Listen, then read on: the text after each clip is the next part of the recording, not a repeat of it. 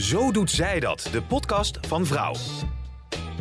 Mariket Hart en Sabine Leenhout zijn vrouw-vrouwen van het eerste uur. Maar hoe doen zij het eigenlijk? Ja, hoe doen wij het eigenlijk? Nou, we doen het nu niet als ik naar buiten kijk. Nee, want het regent. wij gaan het hebben over zon en zonneschade en alles uh, wat goed is wat de zon doet, maar wat ook slecht is voor je huid wat de zon doet. Ja. En dan hoop ik uh, dat het binnenkort weer wat zonniger wordt. Want uh, op het moment dat we de podcast opnemen, lijkt het wel herfst uh, buiten. Nou, inderdaad, hè? Ja. Volgens mij was het gisteren 17 graden. Ja, het was nou, echt koud. Nou ja. ja. Goed. Hey, um, heb je hier nog ergens druk over gemaakt? Mm -hmm. Het opgewonden standje. Ja, ik heb me zeker ergens druk over gemaakt. En dat is uh, zodra die zonnestralen dus wel uh, uh, overal zijn.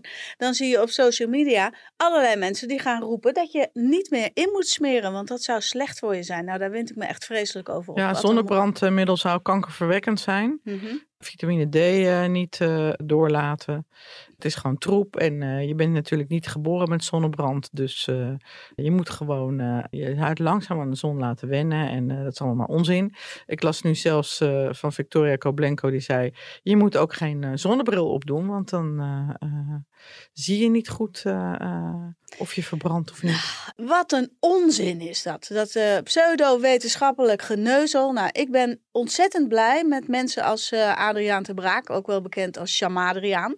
Die uh, als, uh, zijn ze eigen woorden, als een holistische sloopkogel door dit soort geneuzel heen beukt. Hij is wetenschapsjournalist en we hebben het al een keer eerder over hem gehad. En dergelijke zaken kaart hij aan en gaat ook zeggen in een groot interview in de Volkskrant vrij recent en ook andere essays die hij publiceert, dat ehm, mensen met veel volgers en dus ook bekende Nederlanders die dit soort flauwekul de wereld ingooien, dat dat schadelijk is. Nou ja, heel schadelijk. Want je ziet ook al dat er dus uh, mensen zijn die bijvoorbeeld zeggen dat ze hun kind niet meer laten vaccineren tegen uh, bijvoorbeeld kinkhoest en uh, mm -hmm. polio mm -hmm. en mazelen en rode hond met alle gevolgen van dien. Waardoor de vaccinatiegraad in Nederland enorm aan het zakken is. Ja.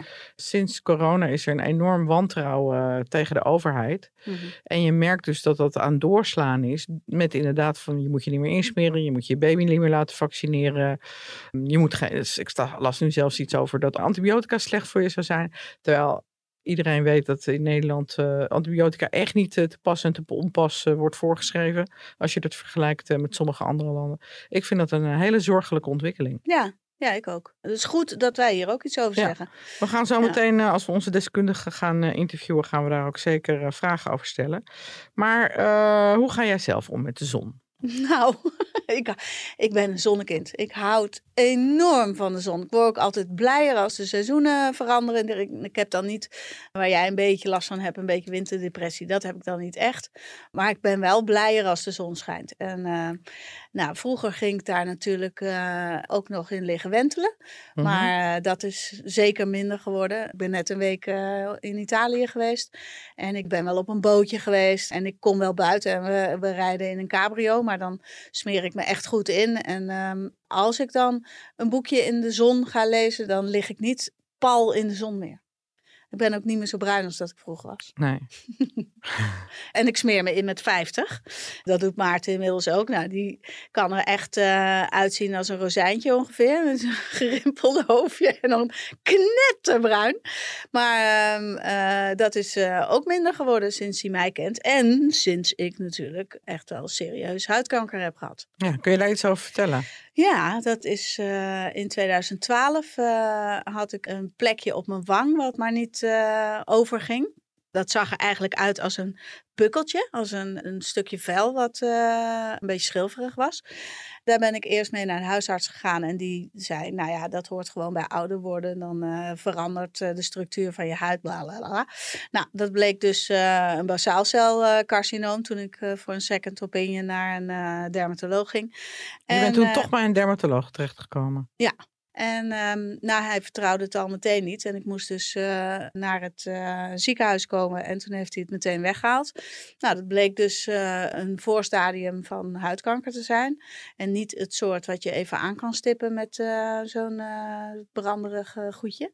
Tijdens een van de controleafspraken wilde hij een volledige bodycheck doen. Dat vond ik trouwens echt een meest gênant, joh. Nou, dan sta je dus helemaal bloot. En dan gaat zo'n gast gaat dan op zijn knieën. Zit hij dus op zijn knieën voor jou. Begint bij je tenen. Dus dan worden je tenen gespreid. Dan sta je dus ook met je benen wijd. En dan worden dus ook je schaamlippen gespreid. Alles. Overal wordt gekeken. Ieder kiertje, ieder gaatje wordt ingekeken. En toen kwam hij een uh, beetje rare plek op mijn rug uh, tegen. Waarvan hij meteen al zei: uh, Nou, Sabine, die ziet er niet zo uh, best uit. En dat was dus, dat was echt een minimaal plekje. Ik had dat plekje ook wel eens gezien. Maar dat was dus een, een moedervlekje met een beetje bruin en een beetje rood. En uh, geen verdikking of zo. Echt niks uh, raars. Bleek een melanoom te zijn. En aan de randen bleek ook nog te zitten. Dus toen ben ik nog een keer geopereerd. En toen is er een groter weggehaald. Daar was gelukkig verder niks meer. En dan, is, dan ben je nog vijf jaar onder controle. En daarna heb ik dus helemaal geen klachten of dingen meer gehad. Maar wel en, heel erg schrikken.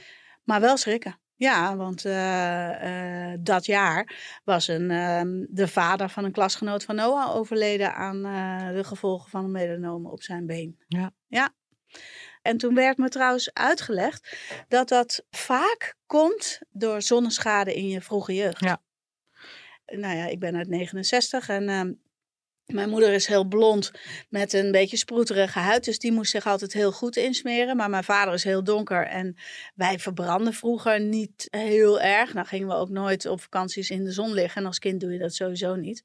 Maar um, ik kan me wel herinneren dat ik als kind wel eens uh, verbrand ben op mijn rug of uh, tijdens het spelen. Ja, want je speelt toch wel vaak aan de rand van Ja. het water, uh, Ja. of in het zwembad, of Ja. eh, weet ik veel wat.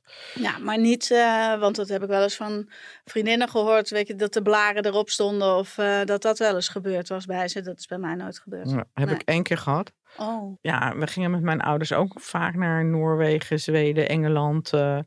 dus ja, ik was helemaal niet gewend aan eh, enorme hoeveelheden zon. Toen ik naar eh, Griekenland ging, toen ben ik dus zeg maar de eerste dag echt, terwijl ik alleen maar in de schaduw lag, ben ik zo ontzettend verbrand inderdaad dat de blaren echt op mijn benen stonden. oeh. En eh, dat ik gewoon ook een beetje koorts kreeg en eh, dat soort dingen. Ja, erg. Heel erg. Nou, daar heb ik wel eh, toen veel van geleerd. Ja, hoewel ik toen nog niet eens ook wist hoe schadelijk het was. nee. Maar wel dat ik het daarna wel heb geprobeerd om te voorkomen. Om, om zo erg te verbranden. En ja, mijn beste vriendin is natuurlijk overleden. waarschijnlijk aan de gevolgen van melanoomkanker. Althans, zij had dus uitgezaaide melanoomkanker. Mhm. Het zat in de lymfeklieren en ook met uitzaaiing. eh, en ja, ze is uiteindelijk overleden aan een hartstilstand. Dat heet dan ook onderliggend lijden. Ja, ja. En ben jij ook daardoor, door je eigen ervaring, maar ook door de dood van je vriendin, wat zorgvuldiger met zon om aan het gaan? Zeker. Ja? Nou ja, eigenlijk twee verschillende dingen. Ik merkte gewoon dat ik af en toe wat lelijke vlekjes eh, begon te krijgen, ouderdomsvlekjes. Mhm. En daar ben ik op een gegeven moment ook mee naar een dermatoloog gegaan, echt op, op mijn handen en op mijn gezicht. En die zei, ja, dat is echt eh, ook, eh, komt door de zon. Het zijn Mhm. gewoon pigmentvlekken en die halen ze dan weg in de winter. Ja, Maar ik heb er ook twee, hè? ja, Ja. ja, en jij dacht dat het ook iets kwaadaardigs was. Ja, ja, dat dacht, ja, ja. ja, maar ja, ik moet er toch een beetje voorzichtiger mee zijn misschien wel dan anderen. Want ja. Ja. als je al een keer een melanoom ontwikkeld hebt, ik weet niet hoe dat zit. Of dat ergens eh, in mijn cellen bekend is of zo. Ja. Dat, dat iedere beschadiging door de zon eh, aangegrepen wordt om eh, daar weer eens lekker te gaan woekeren. Ja. Weet ik veel. Nou, de dermatoloog haalt dat dus weg met laserstraal. En dan komt er dus een, eh, ja, een korstje. En dat korstje dat valt er dan af. En dan heb je weer een mooie huid zonder vlekjes eronder. Maar ja, je moet het dus ook echt in de winter doen. Want je kan daarna dus de zon niet meer in. Een paar weken niet. Maar ja, ik ging bijvoorbeeld... Vroeger ging ik altijd alleen maar met een dagcreme op. En tegenwoordig eh, doe ik ook een gezichtszonnebrand eh, met een SPF eh, erop. Altijd. Nou, ik zeg altijd, maar als het echt midden in de winter is, doe ik dat niet. Maar in de zomer doe ik dat zeker wel. Ja, ik heb tegenwoordig ook altijd een tube in mijn tas met Ja. zonnebrand. Ja. Omdat het soms ook even voorkomt dat je ineens toch op een terras belandt of wat dan ook. Mhm. En dat je dan denkt, oh ja, ik zit midden in de zon. Ja, ik heb ook wel eh, van onze ehm, beautyjournalist eh, Kim Querfurt heb ik geleerd dat je eh, je zonnebrand niet te lang kunt bewaren ook. Die moet je Mhm. wegmikken. Nou, en Jeroen, die wordt dus ook heel snel heel bruin. Ja, Die smeerde zich ook nooit in, want die had zoiets van, ik word toch wel lekker bruin. ja. Ja, die verbrandt ook echt niet. Maar goed, die had dus ook laatst een gekke plekje onder zijn oog. En dat was dus ook eh, ja, zonschade, een voorstadium van huidkanker. En toen zei ook de dermatoloog, ja, je moet je gewoon elke dag insmeren in je gezicht, wat voor weer het ook wordt. Mhm. Dus dat doet hij nu. Daar is hij ook wel van geschrokken. ehm. Oh, wat goed. Ja, het vervelende is natuurlijk, ik vind mezelf wel eh, net iets knapper als ik wat bruiner ben. Ik vind mijn benen ook net wat mooier als ik wat bruiner ben. Ik ook, maar daar heb je iets fantastisch voor en dat heet bruin zonder zon. En vroeger had je van die hele gore bruin zonder zon. Allereerst stonk je dan een uur in Ja. de wind. Ik weet niet of je het nog kan, herinneren. Nou, niet te doen. En je zag eruit als een wortel of je knieholtes waren helemaal eh, gestreept en gevlekt. Het zag er allemaal niet uit. Maar nu heb je eh, van verschillende merken en helemaal niet zo duur. Echt goede producten. Enige nadeel is eh, bij Maarten, die heeft altijd wit beddengoed. En als ik dan weer eens een korte rok aangehad heb en dacht, eh, hm, die benen zijn me niet bruin genoeg. En ik had me dan even lekker ingesmeerd. En je gaat dan eh, ongedoucht eh, in bed liggen, dan heb je de volgende dag wel vlekken hoor. En je handdoeken zitten ook altijd wel vol met bruinige vegen in het begin. Je hebt toch ook zo'n bruin zonder zon cabine, hè, dat je dan helemaal... eh, Ja, dat heb ik ook wel eens gedaan. ja, Jaren geleden wel. Toen ging een vriendin die ging eh, trouwen. Toen dacht, en eh, wij gingen daar samen naartoe. En toen eh, zei die vriendin: eh, Ja, doe mij maar eh, light. En toen zei ik: Als ik dit dan al doe, dan eh, hoef ik dat helemaal niet light. Dan eh, doe mij maar J-Lo, heette het. nou, dat heb ik geweten. Jeetje, ik, eh, die bruiloft die was eh, vier dagen later of zo. Nou, ah, man, ik was bruin. Niet normaal als ik nu die foto's terugkijk. Dan schrik je er gewoon een beetje van. Echt een soort Rachel. Rachel Hazes. Echt niet normaal. heb je het daarna nooit meer gedaan? Nee, nee, nee. Want ja, het gaat ook wel een beetje eh, vlekken. En eh, het is, ja, nee. ah, nee. Nou ja, dan wordt het Nee. na een paar dagen niet meer zo Een mooi. beetje, ik ben ook wel eens eh, op modereis mee geweest. Naar eh, Gambia gingen we toen. Toen had een van die modellen, die had ook bruin zonder zon gedaan. Nou, het zag er niet uit. Echt. Oh. Oh, dan krijg je dat. Dat Ja, iemand gevlekt is. Helemaal gevlekt. En in de liezen natuurlijk, eh, daar was het helemaal weggeschuurd. En ja. eh, nou, het zag er niet uit. Nou, ik weet ook nog wel, de eerste keer bruin zonder zon was ik ook, weet ik veel, 15 of zo. Ja. Dus toen eh, had ik helemaal niet aan gedacht dat ik daar afloop mijn handen moest wassen. Dus ik ging Oh. ook naar bed. Dus ik werd de volgende dag, werd ik wakker, met echt een hele vieze Ja. bruin tussen mijn Je vingers. En ik kreeg het er gewoon niet af. En toen moest ik daarmee naar school. Ja. ja, dat heb ik ook wel eens gehad, ja. Ja, ja, toen ik jonger was. Met die stinkzooi was dat nog. Ja, precies, met die stinkzooi. Ja. Nou, Met eh, oranje. tandpasta eh, Ja. schuren. En, eh, en we hadden toen ook eh, eh, pillen, die slikte ik ook. Caroteenpillen. Oranje. Weet je daar oranje van? Echt waar? Oh, wat erg. Ja. Nou, we hebben toch ook wel eens gehad, onze Marielle Wisse, sterverslaggever van de vrouw. Die had ook van die druppeltjes en die moest je dan door je dagcreme doen. Nou, die kwam ook echt als worteltje kwam op de redactie toe. Hè? Ja, echt. Oh, dat weet ik helemaal niet meer. grappig. We hebben een hele leuke deskundige. Dat is een cosmetisch arts. En zij heet eh, Daria Voorporal. En zij weet, eh, als het goed is, alles over veilig zonne- en zonneschade. En eh, alles Ja. wat daarmee samenhangt. Dus we gaan er even bellen. Leuk, leuk.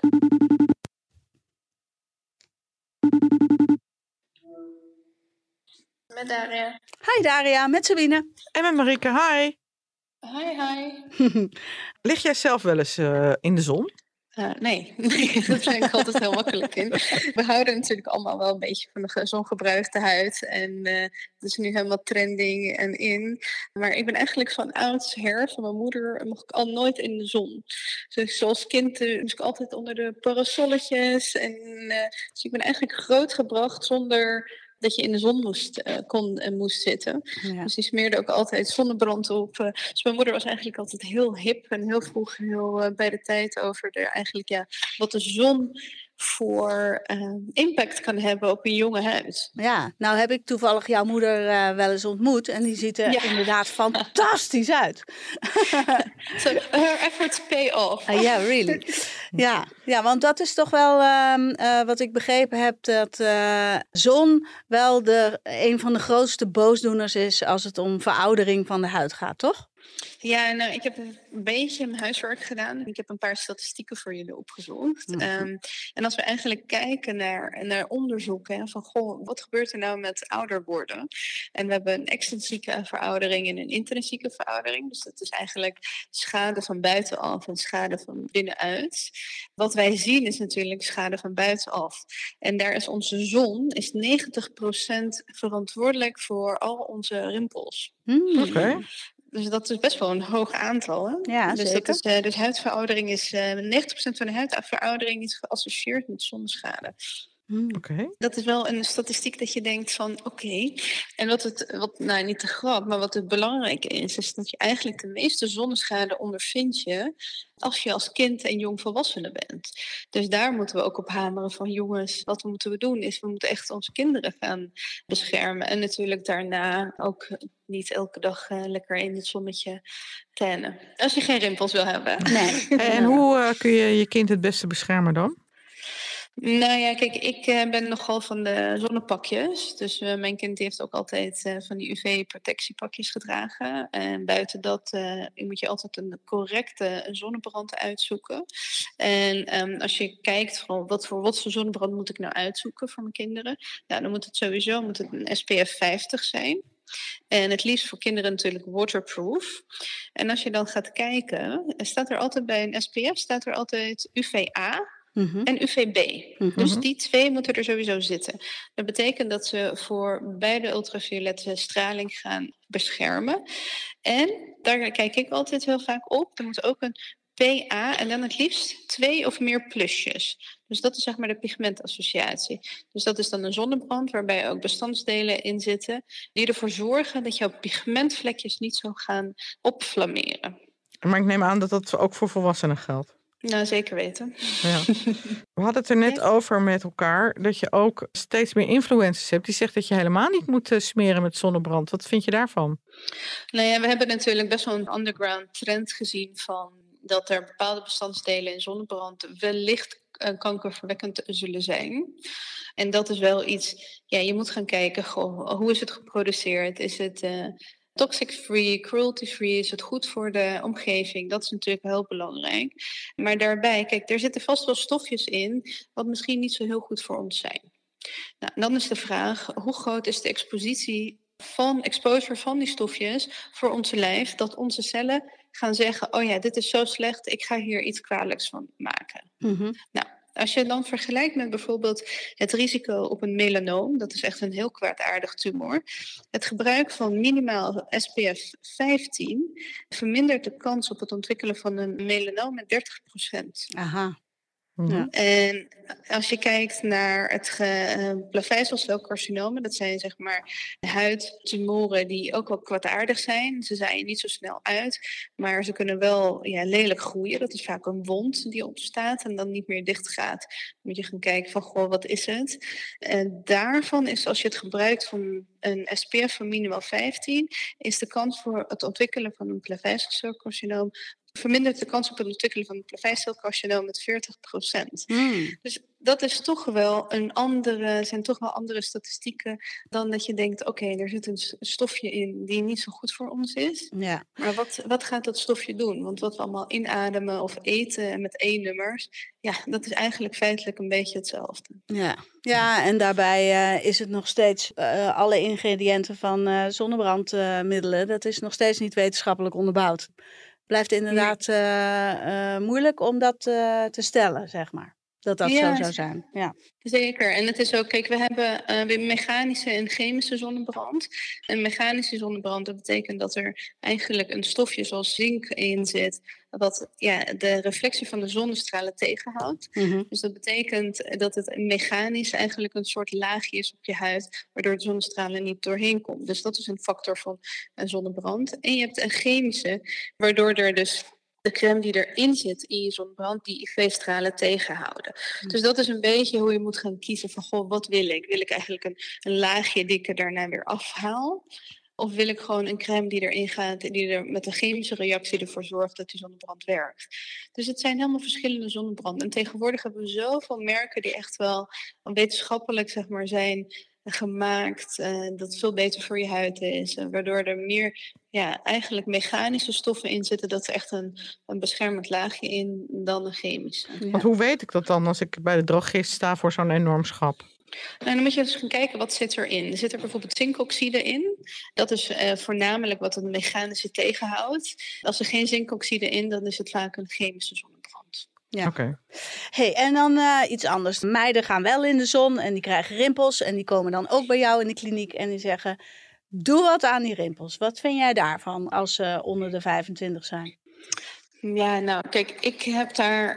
Er zijn natuurlijk best wel veel verschillende meningen over. En van goh, wanneer ga je een cosmetische behandeling doen? Is het verantwoord om meiden van onder de 25 een cosmetische behandeling te laten doen? Mm Kijk, in principe onder de 25. Ik bedoel, ik heb een kind op mijn 26ste gekregen, dus mag je al wel moeder worden. Mm Dus wat is als je dan uh, bij me komt en je hebt al een evidente rimpel, dus een fronsje bijvoorbeeld, een fronsrimpel, ja, dan heb ik er eigenlijk niet zoveel problemen mee dat jij dat fronsrimpel wil voorkomen. Mm -hmm. Maar ga ik wel een gesprek met je aan van, joh, wat is het gevolg? Het gevolg is wel dat je de komende 40 jaar eigenlijk vastzit aan dat, um, ja, anti-rimpelprikje, ja. zeg maar. Hè? Ja wat je dan gebruikt. Kijk, een meid van 18 die in de stoel komt zitten, die heeft nog een super glad huidje waar je niks aan wil doen en die wil met een trend meedoen, die wil dan ook een anti-rimpelprikje halen. Ja, daar heb ik natuurlijk wel veel meer moeite mee. Ja, ja. Maar wij zijn artsen, dus kijk, het komt, je komt zitten en als je een diagnose kan stellen, bij wijze van spreken, jij die hebt die rimpel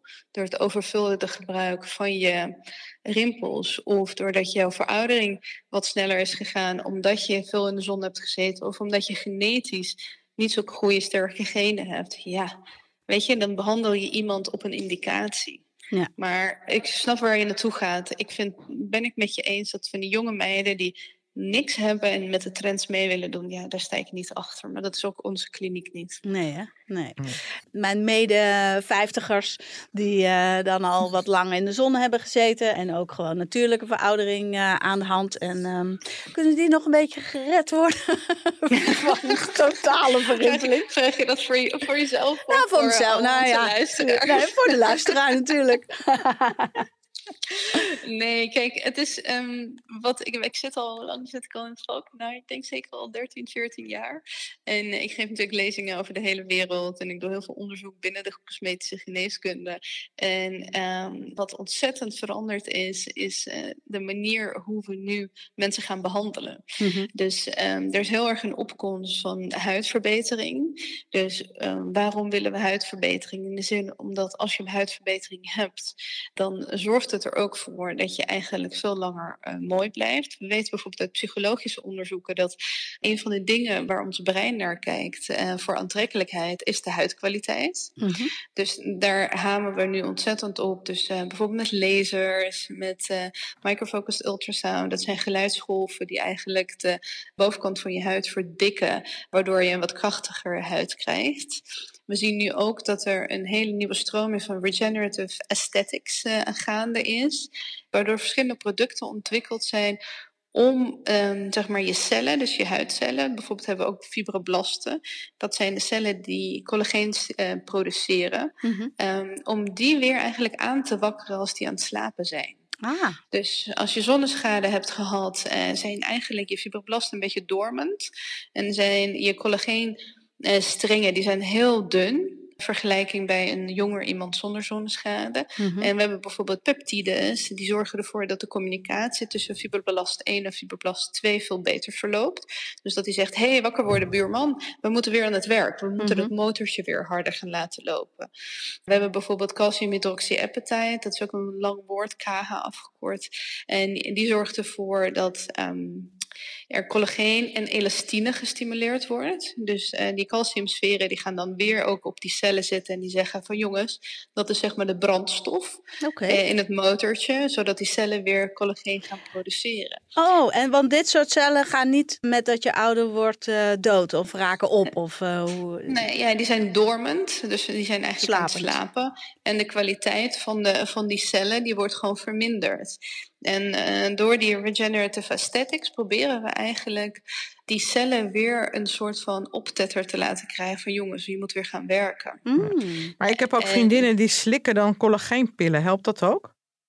Ja, er is heel veel onderzoek naar geweest van, goh, wat moet er nou gebeuren om die collageen op te nemen? Hè? Want er zijn heel veel mensen die zeggen, ga het collageen drinken. Wat gebeurt er dan? Dan komt het in een hele eh, zure omgeving, valt uit elkaar, het doet helemaal niks. Mhm. En wat we hebben gezien, eh, als we gewoon de studies gaan nakijken, is dat je, je moet sowieso goede kwaliteit collageen in een hoge percentage. Dus als je kijkt op je mm, zakje, dan moet er ongeveer 10.000, een concentratie van de collageen van 10.000, ehm volgens mij dat micro, microgram staan. Dus die pinnen we er niet op, maar de Mhm. concentratie van de collageen die erin zit, moet minimaal 10.000 zijn. Nou, dat is één. Dan ga je kijken, wat voor collageen? Is het dan collageen die al verwerkt is? Of is het collageen met losse stukjes? Of is het gehydrolyseerd collageen? Dat is eigenlijk collageen wat nog een soort van manteltje heeft, zodat hij in de darm komt en niet gelijk in de maag uit elkaar valt. Nou, als je kijkt naar eh, wederom studies, ik ben echt heel, heel, heel feitelijke meid. Als je dan kijkt naar studies, dan zie je dat als mensen consequent iedere dag collageen slikken gedurende 12 weken, dat je toch een verdikking ziet van de huid van ongeveer 15 tot eh 18 procent. En dat is echt puur enkel innemen, eh, zeg maar, door de mond. Oké. Dus dat is al best wel hoog, want je ziet namelijk ook als ze er dus mee stoppen, dat het dus weer achteruit gaat. Ja. Dus waarschijnlijk wat er gebeurt is, vullen die cellen zich met dat collageen en eh, hebben, ze, hebben ze het zeg maar opgeslagen, waardoor die huid even opzwelt, net als een sponsje. oké. Mm. Maar als ik een collageenbehandeling eh, zeg maar doe bij een cosmetisch arts, hoe lang is het dan effectief? Hangt vanaf wat je doet. Hè. Je kan collageen stimuleren door eh, machines. Dus eh, je kan het door hitte stimuleren en je kan het dus door injecties stimuleren. En het liefst doe je 1 en 1 is, is 3. Dus Hm. dat je het allebei doet. Dus eigenlijk brand je die cellen een beetje aan om te zeggen van... Yo, kom op, sneller, sneller. En je geeft ze een brandstofje om te zeggen... Oh, dit is lekker, een soort Red Bulletjes, let's go. En daar zien we eh, in dat je vanaf het moment van de behandeling tot soms 18 maanden toch wel dat motortje wat gaande krijgt. En dan hangt natuurlijk af, wat, wat is je startfase? Hè? Mhm. Eh, loop je al min 10 achter of loop je min 1 achter? En dat is natuurlijk, ja, eh, hoe zijn je hormonen? Eh, hoe eet je? Rook je? Zit je veel in de zon? Ga je naar de zonnebanken? Hoe, zijn je, hoe ben je genetisch? Is je moeder snel verouderd? Er zijn heel veel factoren waar we dan naar kijken van, goh, wat moeten we doen? En tegenwoordig ehm prikken we ook bloed om te zeggen van, joh, hoe zit je in je vitamines? Hoe zit je bijvoorbeeld in je ijzer? Hoe zit je in je proteïnes, dus in je eiwitten? Want als je te Mhm. weinig eiwitten hebt, ja, dan heb je ook geen bouwstenen om dat allemaal ja, te gaan maken. Aha. Ja, snap Ja. het. Hey, en tot Dus- slot, hoe kun je nou, als je eenmaal pigmentvlekken toch hebt, kun je die Mhm. verminderen? Zoals ik. Weer voor mezelf. Dit is niet voor de luisteraar, dit is voor mij. nou ja, je kan best wel veel hoor. Je kan, kijk, eh, wat we zien in de trends, dat er heel veel eigenlijk actieve ingrediënten, medische skincare eh, is over de counter. Dus je ziet veel met glycolzuur, je ziet veel met retinol, crèmes eh, die op de markt. Dus dat is al één ding, dat je gewoon gaat beginnen met een actieve eh, lijn tegen pigment. Nou, wat je dan voor zorgt is mm, dat je je pigmentcellen eigenlijk onderdrukt houden. Dus eigenlijk wat we willen met onze fibroblasten die collageen stimuleren, willen we ze actief maken. Maar de melanine, de melanocyten, dat zijn de cellen die pigment produceren, die willen we eigenlijk laten slapen. Nou, en daar kunnen we door bepaalde crèmes eh, te smeren, kunnen we ze wat minder actief maken. Bepaalde ingrediënten. Dus- Dus dat is stap 1. Nou ja, stap 2 is natuurlijk gewoon zowel in de winter als in de zomer zonnebrand eh, dragen. hè. Mhm. Ik heb het bijvoorbeeld in mijn make-up. Ik heb een CC cream en er zit een factor 50 in. En die doe ik op en dat is gewoon een hele mooie make-up. eh, En daar heb, ja, zit de factor 50 in, dus daar denk ik eigenlijk al niet meer over na. En als je stel je wil naar de, bijvoorbeeld naar de schoonheidsspecialisten, die hebben vaak een microdermabrasie. Dus waardoor je eigenlijk een wat diepere peeling doet, of een microneedling of een dermapen. Dan wil je een stapje verder, dus wil je bijvoorbeeld naar de klinieken. En ja, dan kun je beginnen met peels of met lasers, eh, die inderdaad op die pigmentcellen gaan zitten, waardoor ze ja, of uitgeschakeld worden of dat ze ze laten slapen. Dus dat je wel echt weer een mooie egale tent krijgt. Dus het is eigenlijk voor iedereen wat, wat wil hoor. Hoe, hoe, hoe heftig je wilt beginnen, hoe beter je wil verder gaan. Ja, ik wil er natuurlijk meteen vanaf en ik heb drie van die vlekken. En Marieke zei, ja, je moet na de zomer, ga je gewoon even naar Daria en Annabeth. En dan eh, zetten ze er uh, een lasertje op en dan krijg je een kostje en dan valt het eraf. En dan ben je er vanaf. en dan flitsen we het weg. Dat zo, zo, zo, uh, zo werkt dat. Ja, fantastisch. Nou. Gaan we weer doen na de zomer. Dankjewel voor je tijd. Ja, dankjewel voor je verhalen en je uitleg. Tot de volgende keer. Super. Doei. Dankjewel voor de Dag. uitnodiging. Doei doei. Bye bye. Overigens, eh, dat gebeurt dus niet bij Annabeth of bij Daria. Dat gebeurt bij de huidtherapeut. Oh, oké. Ja. Dus dat is inderdaad een. Uh, ja. Ze zei net, ik flits het zo weg. Ja, nee, maar ja, nee, ja, ik ben gewoon bij de huidtherapeut geweest. Dat is een, uh, een schoonheidsspecialiste die zeg maar een HBO-opleiding heeft gedaan. Ja. En inderdaad voor 100 euro. Want iedereen denkt dat het heel duur is, omdat het in een kliniek is. Ja. Maar het kostte mij 100 euro. Nou, dan haalden ze dus uh, alle vlekken die ik wilde, haalden ze weg. Oh, en dan moest ik zes weken of zo daarna terugkomen. En als er nog wat zat, dan haalden ze dat gratis weer opnieuw weg. Oh, wat goed. Voor de prijs, ik bedoel, in vergelijking met injectables of... Uh, nee, of, maar dat hoef ik niet. Of al die andere behandelingen is het financieel best wel goed te doen. Oh, okay. Gaan we een avond minder uit eten. Ja.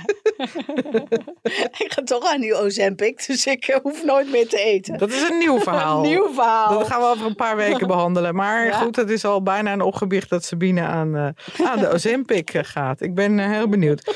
Wist jij dat? Die twee verschillende soorten zonnecremes? Nee. Die mechanische en ja. die uh, chemische. En de chemische? Nee, nou ja, toevallig weet ik dat ik een chemische fijner vind. Want ik vind het niet fijn als er zo'n dikke laag zink, uh, dat je helemaal wit wordt. Van die, uh, dat vind ik smerig. Dus ik kies sowieso altijd voor die uh, helemaal erin trekt ja. en dan van binnenuit het werk doet. Ja, mijn moeder die zweerde vroeger bij, um, volgens mij heet het P20. Zo'n Zwitsers, uh, het is een beetje alcoholachtig ja. uh, spul. Ik heb de kinderen daar vroeger ook altijd helemaal mee ingesmeerd. Omdat het zo fijn was dat je ze s ochtends al uh, na het ontbijt smeerde je je kind helemaal in. En dan hoefde je er eigenlijk de rest van de dag geen zorgen meer om is te de dermatoloog niet mee eens? Hè? Die vindt dat je je sowieso om de twee uur om moet de twee uur. Met welk middel dan ook. Ja, ja. Een vriendin van mij, die, waarmee ik dus in Griekenland was in het voorjaar, die, had, die is vrij allergisch voor uh, chemische spullen. Dus die had ook zo'n mechanische. Ja. Maar het was inderdaad heel erg moeilijk om me uit te smeren. Dat zink, dat blijft dus een beetje op je huid uh, liggen. Ja. ja. Dus dan krijg je zo'n hele witte waas. Ja. Ja, ik ken ook nog wel andere zonnebrandproducten van um, met kitesurfen. Als je de hele tijd in het water bent, dan moet je natuurlijk ook uh, een zonnebrandcreme hebben die uh, goed blijft zitten. Ja. Die uh, het liefst ook niet al het koraal naar de galamies helpt. Mm -hmm. Dus um, toen had ik, dat heet Island Tribe, dat komt uit Zuid-Afrika. En dat is, ja, ze hebben verschillende soorten, maar die, die dan heel goed werkt, is zo'n hele dikke chap is dat. Dat blijft uh, uh, dus heel goed op je huid zitten, ook als je in het water gaat. Ja, ik heb even op mijn telefoon een uh, afbeelding erbij gezocht. Als je googelt skin truck driver, dan op, krijg je die. Laten we die ook op ons... We hebben een Instagram-account, een eigen Instagram-account. Zo doet zij dat. Volg ons. Ja, Daar zullen we even de foto op zetten. Daar kunnen we dat wel eens even op delen. Hier zie je een, een vrachtwagenchauffeur die dus uh, altijd met zijn, wat is het, linkerkant uit het raam in de zonkant heeft gezeten. En ja. Er is zo'n drastisch verschil tussen zijn rechterkant en de linkerkant Niet van zijn normaal. gezicht. Als je naar veroudering kijkt, dat is echt ongelooflijk. Ja. Dan zie je hoeveel impact uh, die zon. Uh, nou, 90 procent, dat vond ik best wel uh, veel hoor. Op de rimpels. Nou, ja, niet normaal. Ja. Ja. Maar even terugkomen op onze huid en de zonneschade. Hebben we ook natuurlijk een voice memo um, ontvangen. van, van dermatoloog Daniel Kadoeg. Ik hoop dat ik het goed uitspreek. Hij is gepromoveerd op huidkanker. Oh. En wij vragen ons af of mannen en vrouwen dezelfde huid hebben. En of ze zich op dezelfde manier moeten beschermen tegen de zon. Zo doet hij dat. De huid van de vrouw en de man verschillen in wezen eigenlijk niet. Dat houdt in dat zowel vrouwen als mannen zich willen beschermen tegen de zon om zonschade eigenlijk te voorkomen. En we weten dat als je op jonge leeftijd beschermt, dan voorkom je veel rimpels, vroegtijdige huidveroudering en ook zonschade en zelfs mogelijk huidkanker op latere leeftijd. Kortom, het advies van iedere dermatoloog zal zeker zijn voor zowel vrouwen als mannen, daar maken we dus geen onderscheid in, dat zonbescherming even belangrijk is. En het zijn de gewoontes die daarin maken. Dus vooral uh, vermijd de zon tijdens de piekuren. Daarvoor kun je altijd de UV-index checken op een dag. En dan weet je hoe sterk de zon is. Die meet de zonkracht namelijk. Draag zoveel mogelijk bedekkende kleding. Denk daarbij aan UV-werende kleding, maar ook een pet, een zonnebril. En voor de huid die nog blootgesteld is aan de zon, daarvoor gebruik je een zonnecrème van minimaal factor 30 en die smeer je ruim en dat herhaal je iedere twee uur. En wat doe je dan als je man zich niet wil insmeren? Dan geef je aan dat het advies van iedere dermatoloog is dat zonbescherming ontzettend belangrijk is. Daarmee voorkom je dus die huidveroudering en rimpels. En dat je het toch zo leuk zou vinden als hij de mooiste versie van zichzelf kan blijven. Leuk. Ja. Ja. Mooi. Ja. Hey, en eh, heb je nog wat op te biechten? Hmm. Opgebiecht. Ja, ik heb nog wel wat op te biechten, ja. Want eh, ik ben, ondanks dat ik eh, een melanoom heb gehad, ga ik in de winter één keer of zo, of twee keer naar de zonnebank. Eén of twee? Eén of twee keer. Niet sessies van tien keer. Nee joh, nee, één of twee keer. Als ik niet op vakantie ben geweest in november, Ja. dan word ik in eh, januari zo depressief van mezelf. Als ik naar mezelf kijk. Ik denk, nou, hier is echt geen bruin zonder zon meer tegen aan te smeren. Ja. Anders dan eh, durf ik niet meer bovenop tijdens de seks. Ik, ik, Moet ik deed, ik deed dat vroeger ook wel, omdat, eh, nou ja, jij stipt het net al aan. Ik heb een beetje last van een uh, najaarsdepressie. hè. Ik ben op 3 oktober jarig. En vanaf dat 4 moment. oktober Ja, nou dat. ongeveer. Want dan Oh. denk ik, oh ja, nu begint het. Nu begint de ellende. En het duurt heel lang voordat het eh, weer voorjaar is. Mhm. En de dagen worden alleen maar korter. En eh, het, wordt alleen, het weer wordt alleen maar depressiever. En het wordt alleen dagenlang grijs. En eh, nou, ik probeer dat, daar iets aan te doen door eh, in het najaar op vakantie te gaan. Of in de winter. Maar ik ging vroeger ook wel onder de zonnebank. Omdat het dan ook scheen te helpen. Maar eh, daar ben ik wel echt mee gestopt sinds al die eh, nare berichten. over- helemaal? Ja, dat doe ik echt nooit meer. Nee. nee. Maar ik ga wel, als ik op vakantie ga, dan vind ik het heerlijk om op het strand te bakken en te braden. Dan wel onder een parasol, althans met mijn hoofd. Ja, en een boekje, en ik kan, daar kan ik erg van genieten. ja. Oh, ik moet ineens terugdenken aan, ehm, aan de Dark Ages. Toen ik eh, bij Martinair ging vliegen in 1995. Toen eh, had ik weliswaar al een wereldreis gemaakt. Dus ik, ik was wel al gewend aan tropische zon. Dat had ik wel al een keer meegemaakt. Maar ik ging toen, toen ik 21 was, ja, ging ik helemaal nooit op een bedje aan, eh, in de zon liggen. Dat deed je gewoon niet. En ging spelen aan het strand of eh, weet ik veel andere dingen doen. Maar in ieder geval, eh, toen met Martinair eh, kwam ik dus in orde als de Dominicaanse Republiek. En ja, dan deed je op dat dagje over deed je weinig anders dan aan het zwembad liggen. En daar ben ik ook een keer zo afschuwelijk verbrand. Niet wetende dat het zonnetje boven op je kop echt wat anders doet dan de Hollandse zon. En toen zaten we in zo'n eh, bar in het zwembad. Op van die krukken aan de, weet je wel, gewoon in het Mhm. zwembad aan de rumpunch. Nou joh, en dan op de evenaar met die eh, zon bovenop. Nou, en alles wat je van, erbij. en die alcohol erbij. Dat je, en, en in het water. Dus iedere keer als je het te warm kreeg, dan deed je, gewoon- ging je even onder water. Ja. En dan voelde je dat dus ook niet meer. En toen is alles wat je dus van bovenaf eh, ziet, was verbrand. Dus het puntje van mijn neus, het Oh. puntje, het, is het bovenste stukje van mijn voorhoofd, mijn kin, mijn borsten en mijn schouders. Nou, Ja. wat een drama. Pijnlijk. Dat is echt niet fijn. Ja. Nee, echt super dom ook. De Zo Doet Zij Dat kijktip. Oh, ik heb zo heerlijk zitten bingen van de week met Maarten. Ik was al begonnen in uh, deel 1. Nou, het is op NPO Plus is het te zien en het heet Cheaters. Mhm. Vreemdgangers. En in de eerste aflevering ehm, is in, eh, in Finland. Begint, eh, nou dat zit allemaal in de eerste vijf minuten, dat mag ik wel vertellen. Een man en een vrouw eh, stranden. Of nou ja, een heel vliegtuig strand. Want de vluchten worden gecanceld wegens overmatige sneeuw. Nou, dan gaat die vrouw natuurlijk zeggen: Jezus, we zitten in Finland. Het sneeuwt hier altijd. Hoezo zijn jullie vliegtuigen daar niet op opgebouwd? Maar goed, die woordenwisseling heeft helemaal geen zin. Want zij moeten een nacht uh, blijven. En dan uh, komt zij een uh, mede-Engelsman tegen in de bar. Ja, op een of andere manier belanden zij bij elkaar in bed. En vanaf daar begint het. nou, nou, klinkt supergoed. Ja, het gaat dus over um, ja, moderne relaties, maar die ook een beetje de zoektocht van eind twintigers, uh, dertigers naar, naar hoe relaties er nou uit moeten zien. En daarin uh, gebeurt dus van alles. Het zijn maar zes uh, of zeven afleveringen van ruim een half uur. Nou, je kan er in één avond bijna doorheen. Nou, ik heb ervan genoten. Ik vond het erg leuk. Oké. Ja. Ik kijk ook naar iets op NPO Plus, maar dan iets heel anders. Ja. Namelijk 1985. Oh. Het is een serie over uh, de bende van Nijvel. Ja, wat zeggen. Ja, tussen 1982 en uh, 1985 had je dus de bende van Nijvel. Die dus talloze moorden, inbraken, diefstallen, overvallen pleegde. Mhm. Er werden in totaal 28 mensen gedood. Er werden meer dan 40 mensen ernstig gewond. En het meest opvallende is nooit iemand aangehouden. Niemand. Bizar, hè? Niemand van die 28 mensen. En daar is dus nu een hele spannende serie uh, over gemaakt. Echt dat je ook voortdurend denkt, dit is gewoon echt gebeurd. Dit is gewoon echt gebeurd. Gadverdamme. Oh, wat erg. Zomaar ja. dogeloos. Ja. Ja, Oh, maar uh, Goeie tip. heel boeiend.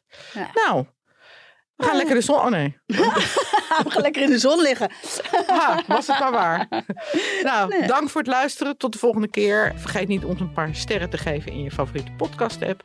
Smeer je goed eh, in. Smeer je goed in. En uh, ja, volg ons op Instagram onder Zo Doet Zij Dat. Ja. Doeg! Doeg, doeg.